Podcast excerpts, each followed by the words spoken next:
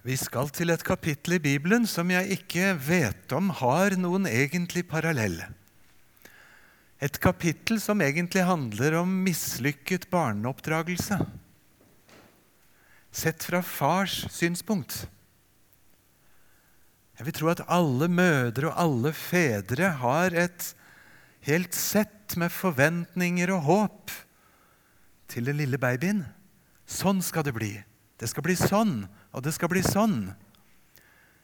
Og så følger en far, og så følger en mor. Babyen ifra den nyfødte, lille hjelpeløse. Til de begynner å stabbe og gå. Til de første ordene kommer. Og fryder seg over hvert nytt skritt videre i mestringen.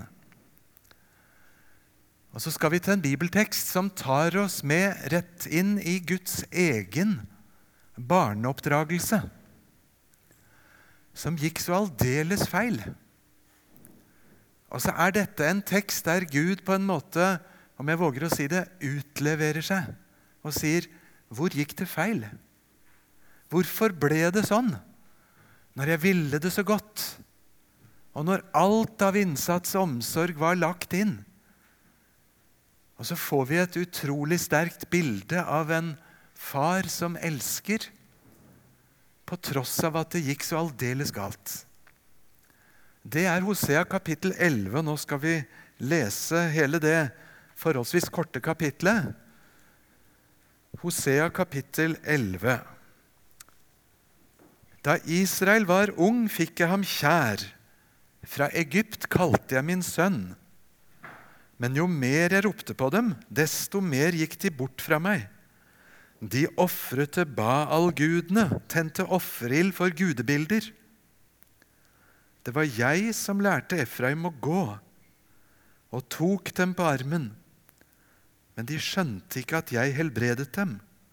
Jeg dro dem med menneskebånd, med kjærlighetstau. Jeg var lik en som løfter et spedbarn opp til kinnet. Jeg bøyde meg ned og ga dem mat. De skal ikke vende tilbake til Egypt, men Assur skal være deres konge, for de nektet å vende om. Sverdet skal rase i byene deres, bryte bommene i stykker og ete om seg på grunn av planene deres. Folket mitt henger fast ved sitt frafall fra meg. De roper sammen til ham som er i det høye men han reiser dem ikke opp. Hvordan kan jeg oppgi deg, Efraim, overgi deg, Israel? Hvordan kan jeg oppgi deg som Adma og gjøre med deg som med Sebojim? Hjertet vender seg i meg, all min medlidenhet våkner. Jeg vil ikke følge min brennende vrede, ikke ødelegge Efraim en gang til. For jeg er Gud og ikke et menneske, hellig midt iblant dere. Jeg vil ikke komme med redsel. Herren skal de følge, som en løve skal han brøle. Når han brøler, skal hans barn komme skjelvende fra vest. Skjelvende skal de komme som en fugl fra Egypt, som en due fra Assur. Jeg vil la dem bo i husene sine, sier Herren. Slik lyder Herrens ord. Det begynte med at Gud sier at da Israel var ung, fikk jeg ham kjær. Fra Egypt kalte jeg min sønn. Og kanskje er det noen som tenker i bakhodet det der har jeg hørt i en annen sammenheng. Og det har du nok. For det er i Matteus 2, da Jesus var en liten baby. Da Herodes fikk det å skjønne at en kongesønn var født, så setter han i gang et forferdelig blodbad rettet mot Betlehem. Alle guttebarn skal drepes. Et forferdelig trekk fra en forferdelig konge. Og Det er dessverre bare ett trekk i en lang rekke av slikt som Herodes faktisk gjorde. En masse sånne blodbad og massakre som han satte fore. Og så varslet Gud Josef i en drøm på forhånd. Og så tok Josef Maria med seg og Jesusbarnet til Egypt. Har du tenkt på det at slik ble Jesus en politisk flyktning som fikk asyl i Afrika?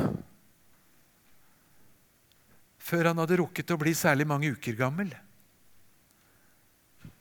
Guds sønn kom til jord, kom til sine egne. Hans egne tok ikke imot ham. Og Før han var et år, så hadde han blitt politisk flyktning til Afrika. Men så fikk han komme tilbake igjen og bosette seg i Nasaret. Og fra Egypt kalte jeg min sønn. Og så er det en Kristus-profeti inn i dette verset, som ellers forteller historien om Guds folk i den gamle pakts tid. Men hør det fine uttrykket. Gud sier, 'Jeg fikk ham kjær'. Jeg kalte ham min sønn. Legg merke til når fedre sier akkurat det. 'Sønnen min'. Da ligger det som regel ganske mange kilo stolthet ute. Om ikke vi fedre alltid er så flinke til å oppmuntre barna våre og si vi elsker dem, så er det det som skjer. Det er bare litt vondt å få sagt det tydelig nok. En fars kjærlighet til barnet sitt, en stolthet, og Gud våger å si 'Jeg fikk ham kjær'. Og Så hørte du alle disse trekkene som står om Gud som barneoppdrageren, han som steller med babyen.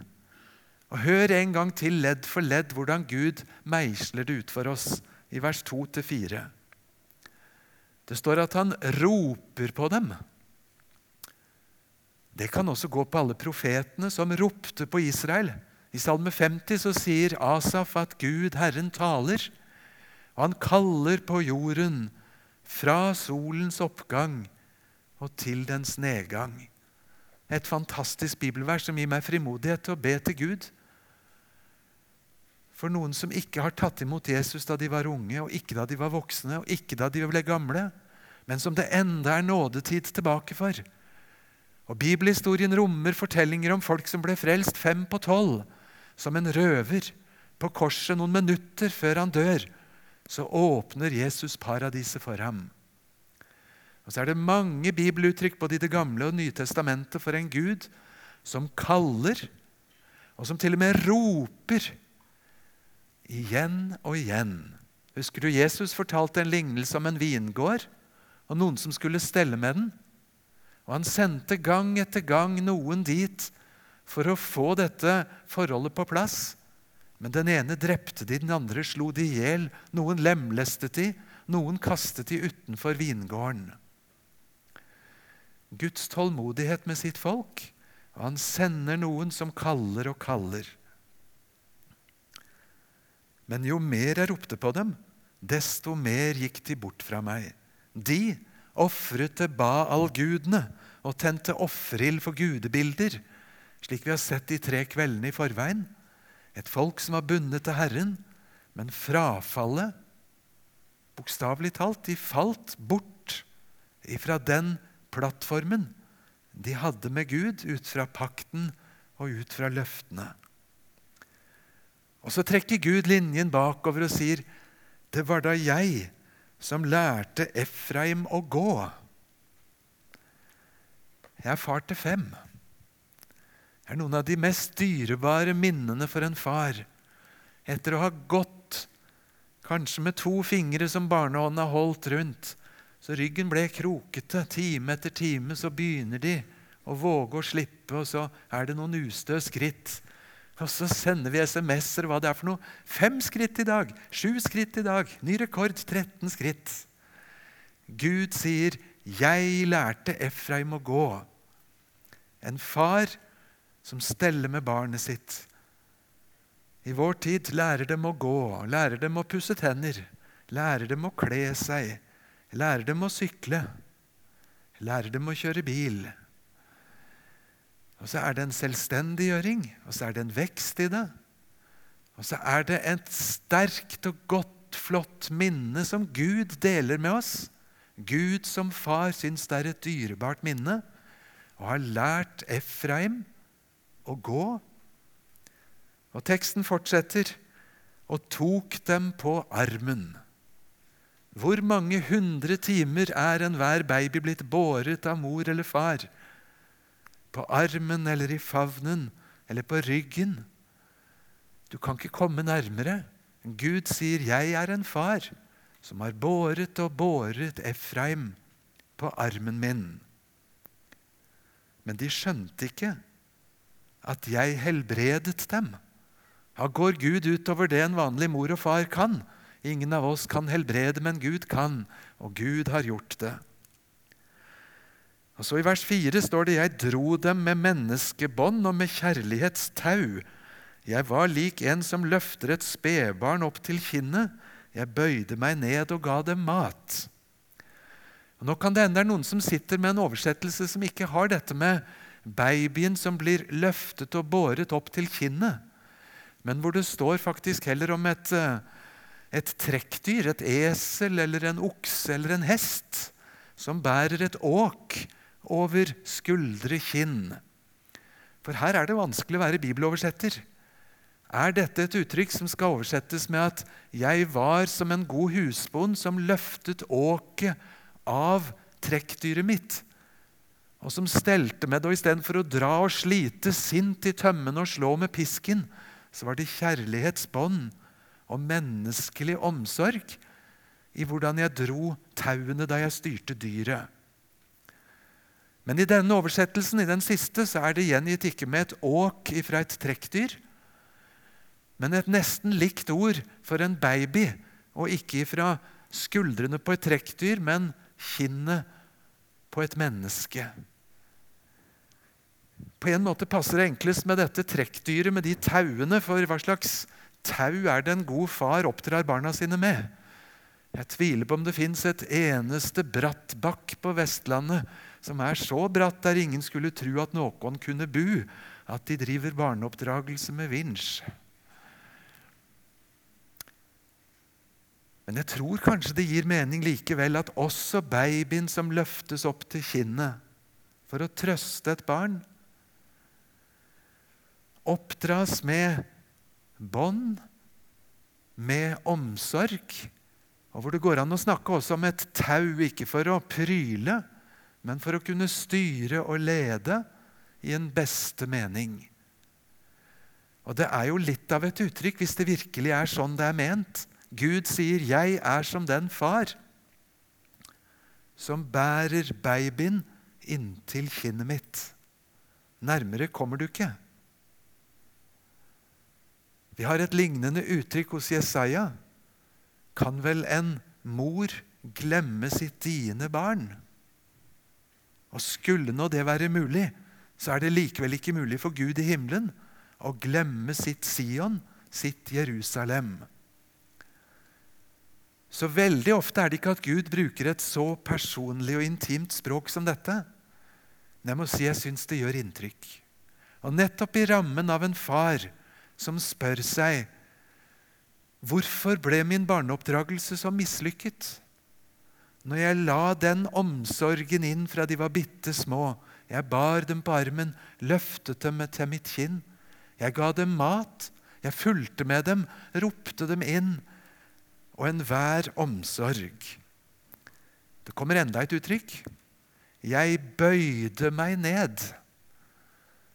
Og Jeg tror vi kunne holdt fem bibeltimer om hvordan Gud bøyer seg ned og blir et menneske julenatt med Jesus men hvordan Gud den allmektige, all sin majestet, ikke er for stor til å bøye seg så dypt ned at han når like der du og jeg er.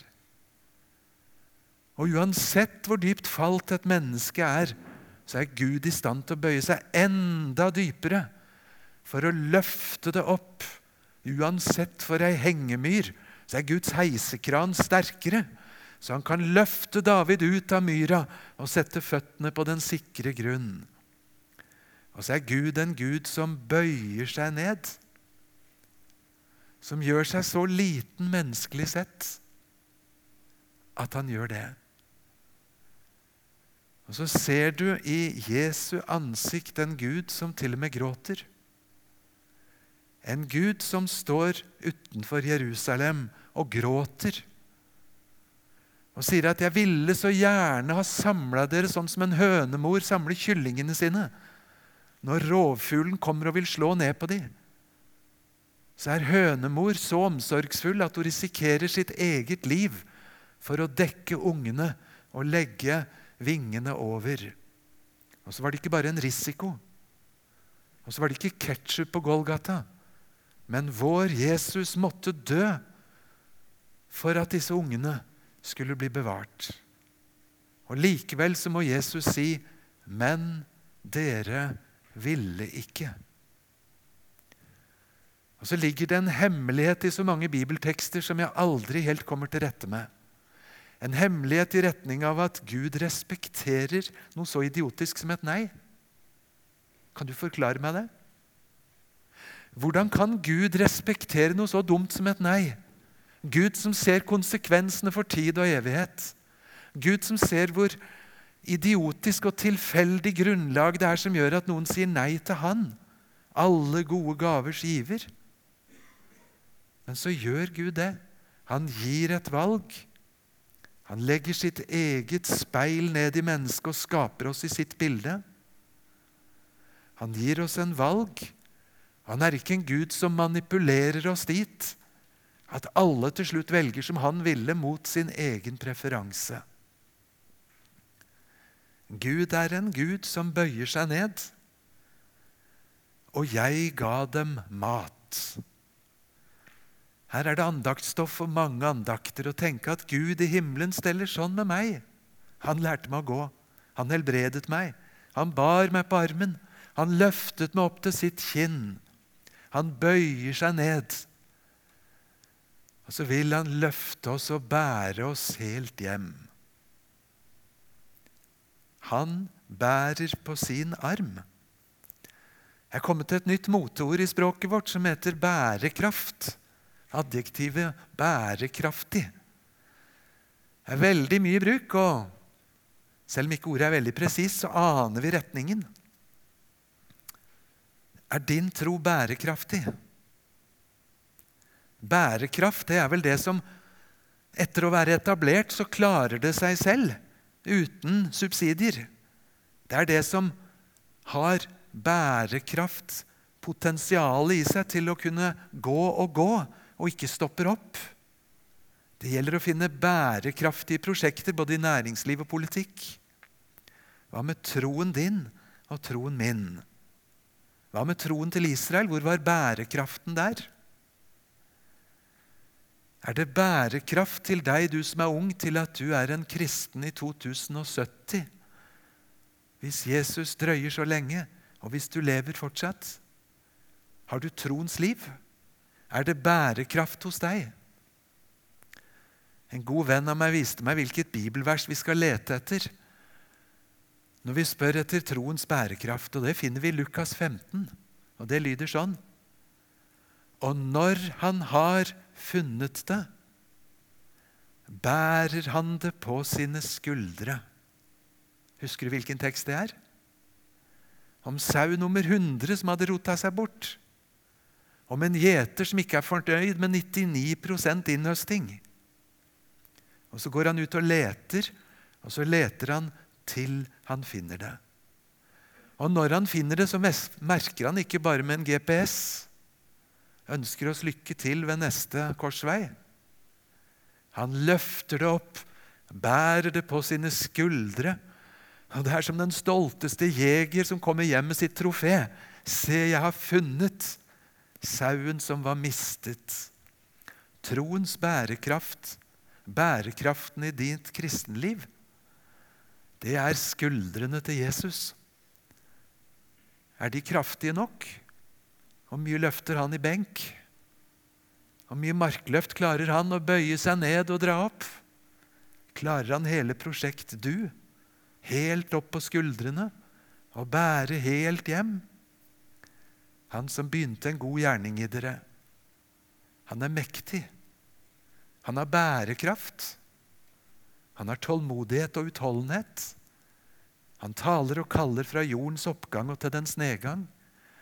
Og han sender en Hosea til et folk som trasser og etablerer seg og sier nei, og som ikke vil vende om.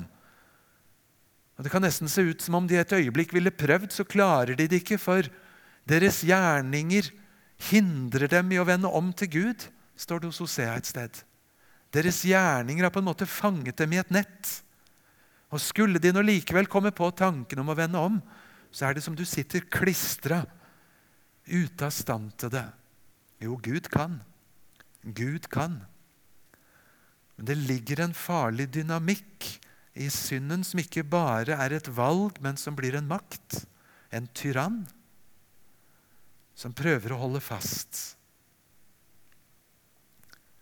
Og Så sier teksten vår Gud er en Gud som bærer på sine armer. Og Etter dette sterke regnskapet hvor Gud på en måte utleverer sin egen barneoppdragelse og sier Hvorfor kunne det gå så forferdelig galt? Dess større de ble, dess tydeligere valgte de meg bort og ville ha Bal isteden. Og lage steinstøtter som ingenting kan hjelpe. Jeg roper og jeg ber. Hva skal jeg nå gjøre? Og så er det som om teksten bygger opp sterkere og sterkere. Skal jeg gjøre med deg som jeg gjorde med Adma Sebojim, som med Sodoma Gomorra? Skal min vrede fullbyrdes, og du forsvinner i ild ifra himmelen, i svovel? og ligger der som aske under Guds rettferdige vrede. Skal jeg fullbyrde min brennende vrede? Og så er det som om Gud vrenger sjela si for deg og meg og sier, 'Hva skal jeg gjøre? Hva skal jeg gjøre med dere?' Men Gud spør også, 'Hvordan kan jeg gi deg opp, Efraim?' Hvordan kan jeg overgi deg, Israel? Hvordan kan jeg oppgi deg som Adma, gjør med deg som Seboim? Hjertet vender seg i meg. All min medynk våkner. Det må være enestående uttrykk i brukt i hele Bibelen. Gud sier, 'Hjertet vender seg i meg'. Det er som om det vrenger seg der inne. Det er som et aldeles utålelig spenn. På den ene siden skal jeg forkaste deg, respektere ditt nei og la deg gå under? Skal du få den straff du egentlig har bedt om? Skal jeg gi deg opp? Mitt hjerte vender seg i meg. All min medynk våkner. Ja, det er ikke lite. Når all Guds medynk våkner Wow! Det er svære saker. Når Guds kjærlighet, den totale kjærligheten ifra Gud, våkner. Og så tar Gud oss inn i sitt eget dilemma. Og så kommer det noen overraskende svar her. Hadde han vært et menneske, ja, da skjønner vi hvilken vei det hadde gått. Da hadde tålmodigheten vært brukt opp og straffen rettferdig pøst ned. Men jeg er ikke et menneske. Derimot er jeg hellig. Og fordi jeg er hellig og ikke et menneske, så vil jeg ta meg av deg slik og slik og slik. Og så hører du kanskje ekko av mange sterke bibelfortellinger om far og sønn. Skal vi stanse for bare en liten håndfull? Kong David hadde mange barn. Han hadde mange koner, antagelig altfor mange. Og barna hans rivaliserte. Og det endte med faktisk voldtekt mellom en bror og en halvsøster. Og voldtekten hevnes med et broderdrap fra helbror til hun som var krenket.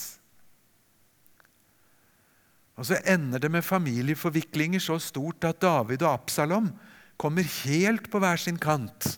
Og Absalom må bort i årevis. Men Davids farshjerte klarer ikke å glemme Absalom. Og så er det en gripende historie fortalt over seks kapitler i 2. Samuel 14-19. Om forsøkene på forsoning mellom far og sønn. Kjærligheten ifra dem begge, men mange andre impulser som drar motsatt. Og så dør Absalom som en opprørskonge mot sin egen far faktisk. Men sorgen over opprørssønnen som døde i sitt opprør, den tar nesten livet av David og beskrives voldsomt sterkt. Far-sønn-relasjoner. Jeg syns på en måte det er så rart at Gud i himmelen tar sjansen på å bruke en så belastet relasjon som far-barn når han skal omtale sin godhet. For mediene forteller, og litteraturen forteller, og historien forteller, og hverdagen som altfor mange av oss har møtt, forteller historier om fedre som er sinte, og som kan bli overilt, som kan være urimelige, om fedre som har vært voldelige, om fedre som krenker sine egne barn. Bibelen kjenner den virkeligheten og har sterke formaninger til oss fedre om å omgås barn og ektefelle med kjærlighet, med respekt, absolutt med fasthet i barneoppdragelsen, men ikke med en urimelighet som tar motet fra dem. Bibelens Gud kjenner bedre enn noen av oss sorgen og smerten det har skapt med dårlige fedre. Og likevel så tar Gud sjansen i tekst etter tekst på å beskrive seg som far til sitt folk. Ingen bruker bildet av Gud som far oftere enn Jesus. Det er faktisk så særmerkt at du kan lete i den enorme jødiske litteraturen fra samtiden og se om det var noen som kalte Gud for far. Og du finner det omtrent ikke. Hos Jesus er det gjengangerbegrepet. Ikke bare for sitt enestående forhold til Far i himmelen, men han lærte oss å be Vår Far, du som er i himmelen. Jeg har noe på hjertet, får jeg lov å be. Du Far. Og Apostelen Paulus sier at vi skal få be ikke som en slave til sin slaveeier, men som et barn tillitsfullt kaller og si 'Abba, far'. En nærrelasjon. Og så inviteres vi til å omgås Gud slik. Så må jeg få føye til det å ha Gud til far, det er ingen menneskerettighet. Det er nåde. Det er et barnekår som en fødes til i den nye fødsel.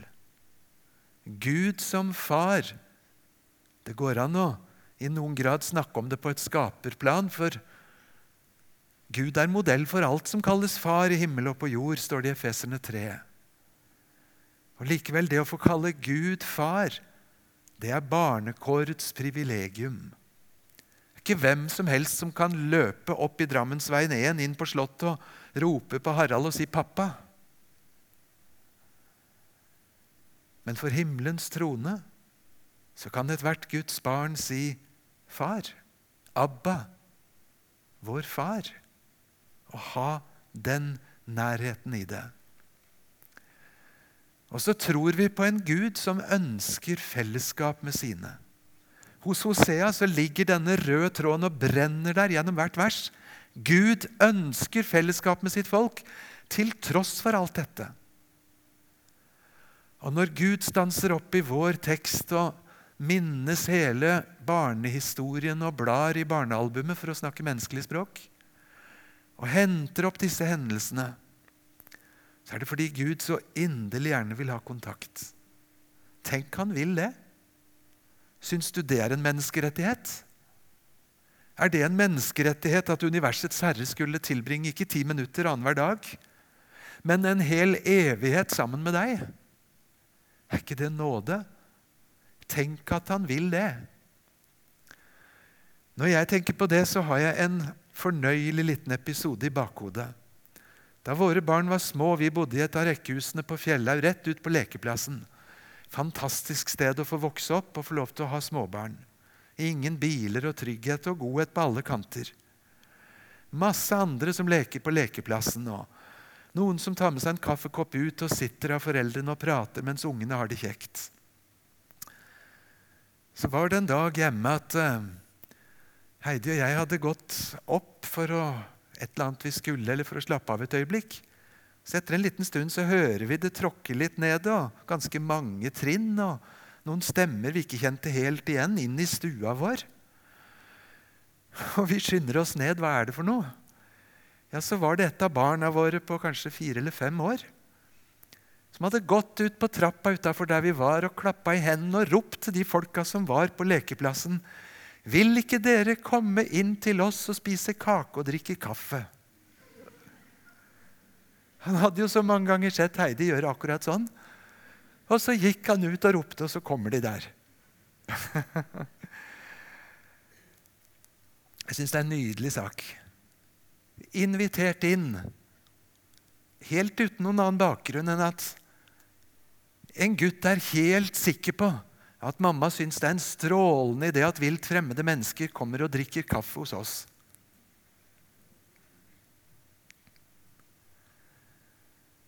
Jeg går bort for å stelle i stand et rom for dere, sier Jesus. Og når rommet er ferdig, så kommer jeg for å hente dere. For at dere skal være der jeg er. Sønnen er helt sikker på at far i himmelen syns det er en strålende idé å fylle himmelen, ikke bare for et kaffemåltid en halvtime, men å fylle himmelen opp for en hel evighet av en synderinne og en toller og en Bartimeus, en røver på et kors, med deg og meg. Han er helt sikker på at Gud syns det er aldeles strålende. Og i dag er kallet hos deg og hos meg. Gud, Herren, taler og kaller på jorden fra solens oppgang og til dens nedgang. Vil ikke du komme inn til oss? Vil ikke du bli med inn? Leser du evangeliene hvor Jesus går omkring i landsby etter landsby, og så nesten roper han ut, eller andre ganger hvisker han, at folket skal vende om. For Guds rike er kommet nær. Dere er velkommen til å flytte inn. Kom. Alt er ferdig. Kom og sett dere ned sammen med Abraham, Isak og Jakob hos Gud. Ikke for en times kaffemåltid, men for en evighet med Gud. Ser du denne Hosea, som står der på Guds vegne, og som blir trukket inn i Guds fortrolige råd og får kjenne Guds hjertelag, og samtidig lever midt iblant et folk som har horet seg bort ifra Gud, og som produserer og snekrer avguder over en lav sko, og lager steinstøtter og altere hvor det er, og takker stokk og stein for maten de får, og for fruktbarhet, og glemmer sin Gud. Og profeten som kjenner Guds hjertelag, og som får være med å se barnealbumet til babyen som blir tatt hånd om av far. Altså den skrikende ubalansen mellom fars omsorg, som likevel endte i en mislykket barneoppdragelse. Hva skal jeg gjøre? Skal jeg gi det opp som med Sodoma Gomorra? Mitt hjerte vender seg i meg, all min medynk våkner. Hvordan skulle jeg kunne gi deg opp? Hvordan skulle jeg kunne gi deg til pris? Og så aner vi smerten som profeten ble trukket inn i. Hosea er ikke så veldig utleverende. Det er liksom litt tydeligere hos Jeremia, hvor du får en seks-syv tekster hvor han liksom roper ut sin uskyld og sin fortvilelse over å stå i denne skvisen mellom den hellige Gud som vil frelse, og folket som bare vil vende om den motsatte veien, bort fra Gud. Og Jeremia syns smerten er aldeles utålelig. Ikke kan han sitte og ha det hyggelig sammen med alle disse frafalne. Nei, han blir gående for seg selv og sitter der med smerten av Guds kjærlighet som er blitt avvist. Og så roper han ut sin sorg. Og så spør han om det er ikke mulig å få lov til å slippe å være profet og stå i skvisen og kjenne Guds smerte samtidig som du ser folkets opprør. Og så er det ikke annerledes i Det nye testamentet. Paulus utleverer seg såpass at han sier jeg skulle selv vært villig til å være forbannet bort fra Kristus. For mine landsmenns skyld, jødefolket. For de fleste i hans generasjon avviste Jesus da han kom for å frelse. Det gjorde så vondt, han bærer en smerte så utålelig,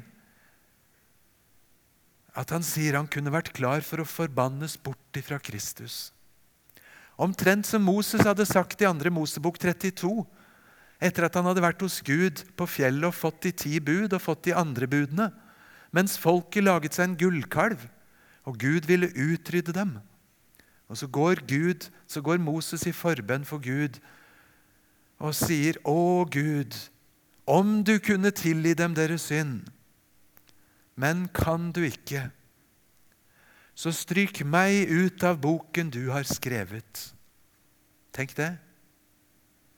Kan du ikke tilgi dem, Gud, kan du ikke da heller stryke meg ut av livets bok? Tenk hva det ville få for konsekvenser for Moses selv.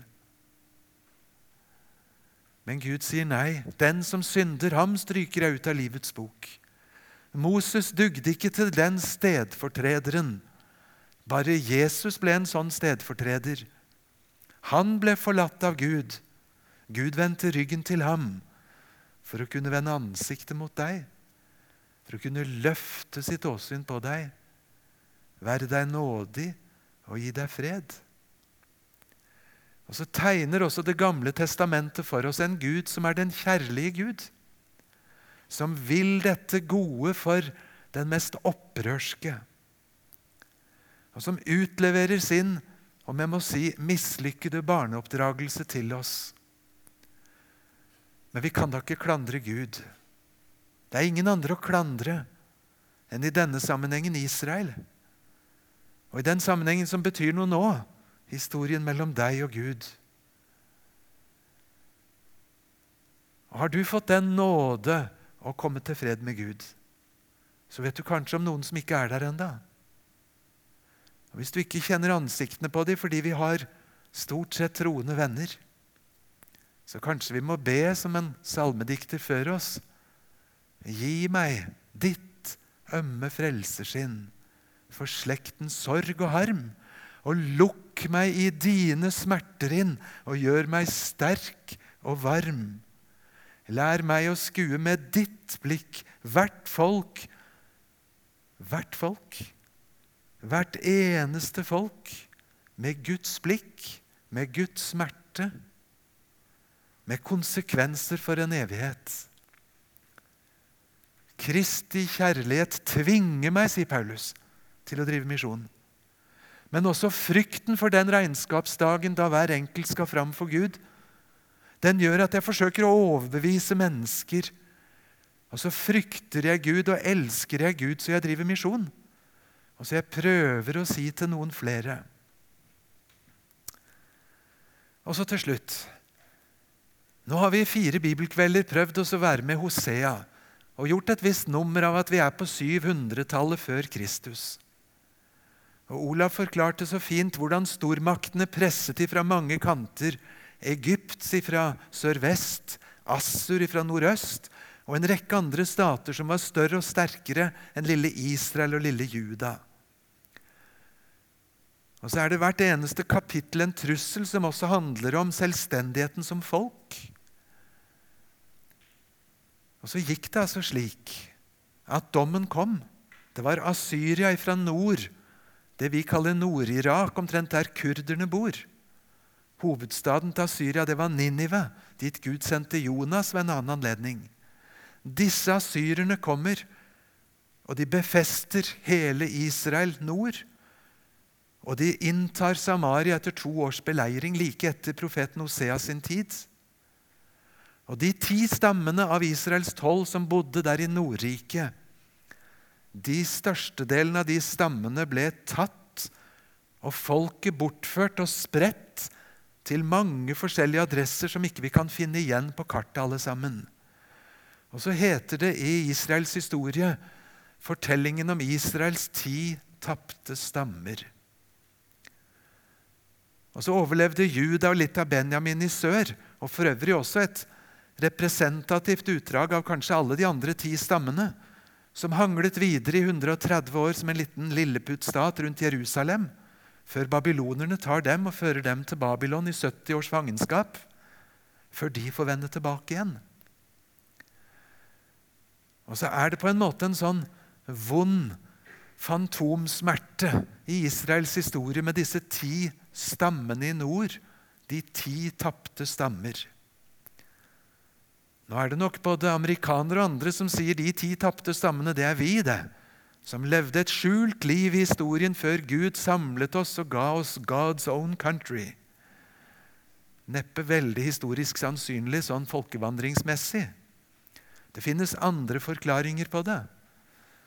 I Johannes' åpenbaring får vi en praktfull tekst om at rett før endetidens trengsler setter inn på det verste, så må trengslene vente et øyeblikk til Gud i himmelen har fått satt sitt eiermerke på hver av de 12 000 fra hver av de tolv stammene i Israel. Så det blir en skare på 144 000. Og Da listes disse ti tapte stammene opp. Så på en eller annen måte kan vi i hvert fall vite at Gud i himmelen glemmer ikke sine barn. Men politisk sett så gikk det så ille som profetene varslet, med staten der i nord. Og så har Bibelen både en politisk historie og en åndelig historie. Og Gud i himmelen han fører frelsens historie fram dit han vil. Og hvilke måter Gud i himmelen har tenkt å hente sammen sitt folk, israelsfolket, de som etnisk sett bærer alle disse løftene fra Det gamle testamentet inn imot endetiden, det vet vi ikke. Men det er et fantastisk løfte et sted hos Paulus, i Romerne 11, 26, om noe som skal skje en eller annen gang langt inn imot enden. At slik skal hele Israel bli frelst. Hvordan og når? Å, det er spennende å se. Men vi må aldri glemme dette paktsfolket som vi ser Guds omsorg for. Om vi som ikke er jøder av avstamning, er blitt innlemmet i et utvidet gudsfolk i den nye pakt, så skal vi vite at Gud glemmer ikke og angrer ikke sitt kall og sin nådegave. Og så må vi lete etter anledninger til å få gi Guds gamle paktsfolk det beste for dette liv og ikke minst for evigheten. Og best av alt ordet om Jesus, Frelseren, for ingen kommer til Faderen uten gjennom meg. Og så er vi trukket med, er vi ikke det? Et hakk nærmere Guds hjerte for menneskenes frelse. Han som vil at alle mennesker skal bli frelst og lære sannheten å kjenne.